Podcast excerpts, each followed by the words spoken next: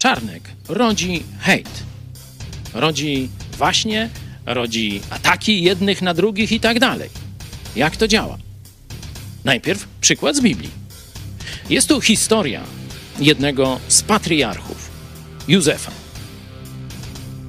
Miał 11 braci, ale był taki fajniuśki, że ojciec go faworyzował, czyli jemu dawał tego, co innym nie dawał.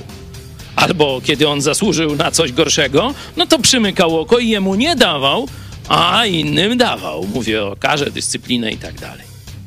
I co się stało?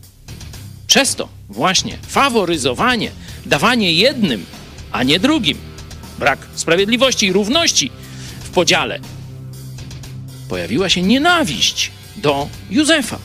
Został przez braci znienawidzony. Czyli zobaczcie, jak rodzice mu się przysłużyli, że został z nich, przez nich znienawidzony. Także prawie, że chcieli go zabić.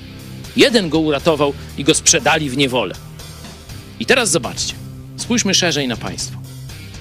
Czarnek jednym fundacjom, organizacjom swoim, tak no wszyscy twierdzą, czyli zalegalizowana kradzież, daje, a innym nie daje. I mówi, oj, tym co dałem, oni dobry, a hejt na nich idzie. Noż to trzeba było nie dawać. To by żadnego hejtu nie było. Jeśli będziesz jednych dyskryminował, a drugich faworyzował, no to zrodzisz hejt między ludźmi. Jeszcze szerszy wniosek. Socjalizm, czyli ustrój społeczny, w którym państwo wszystkim zabiera, a potem niektórym daje, oczywiście chcąc wdzięczności, będzie rodził zawsze hejt, zawsze pretensje jednych do drugich. A teraz jeszcze schodząc na nasze podwórko.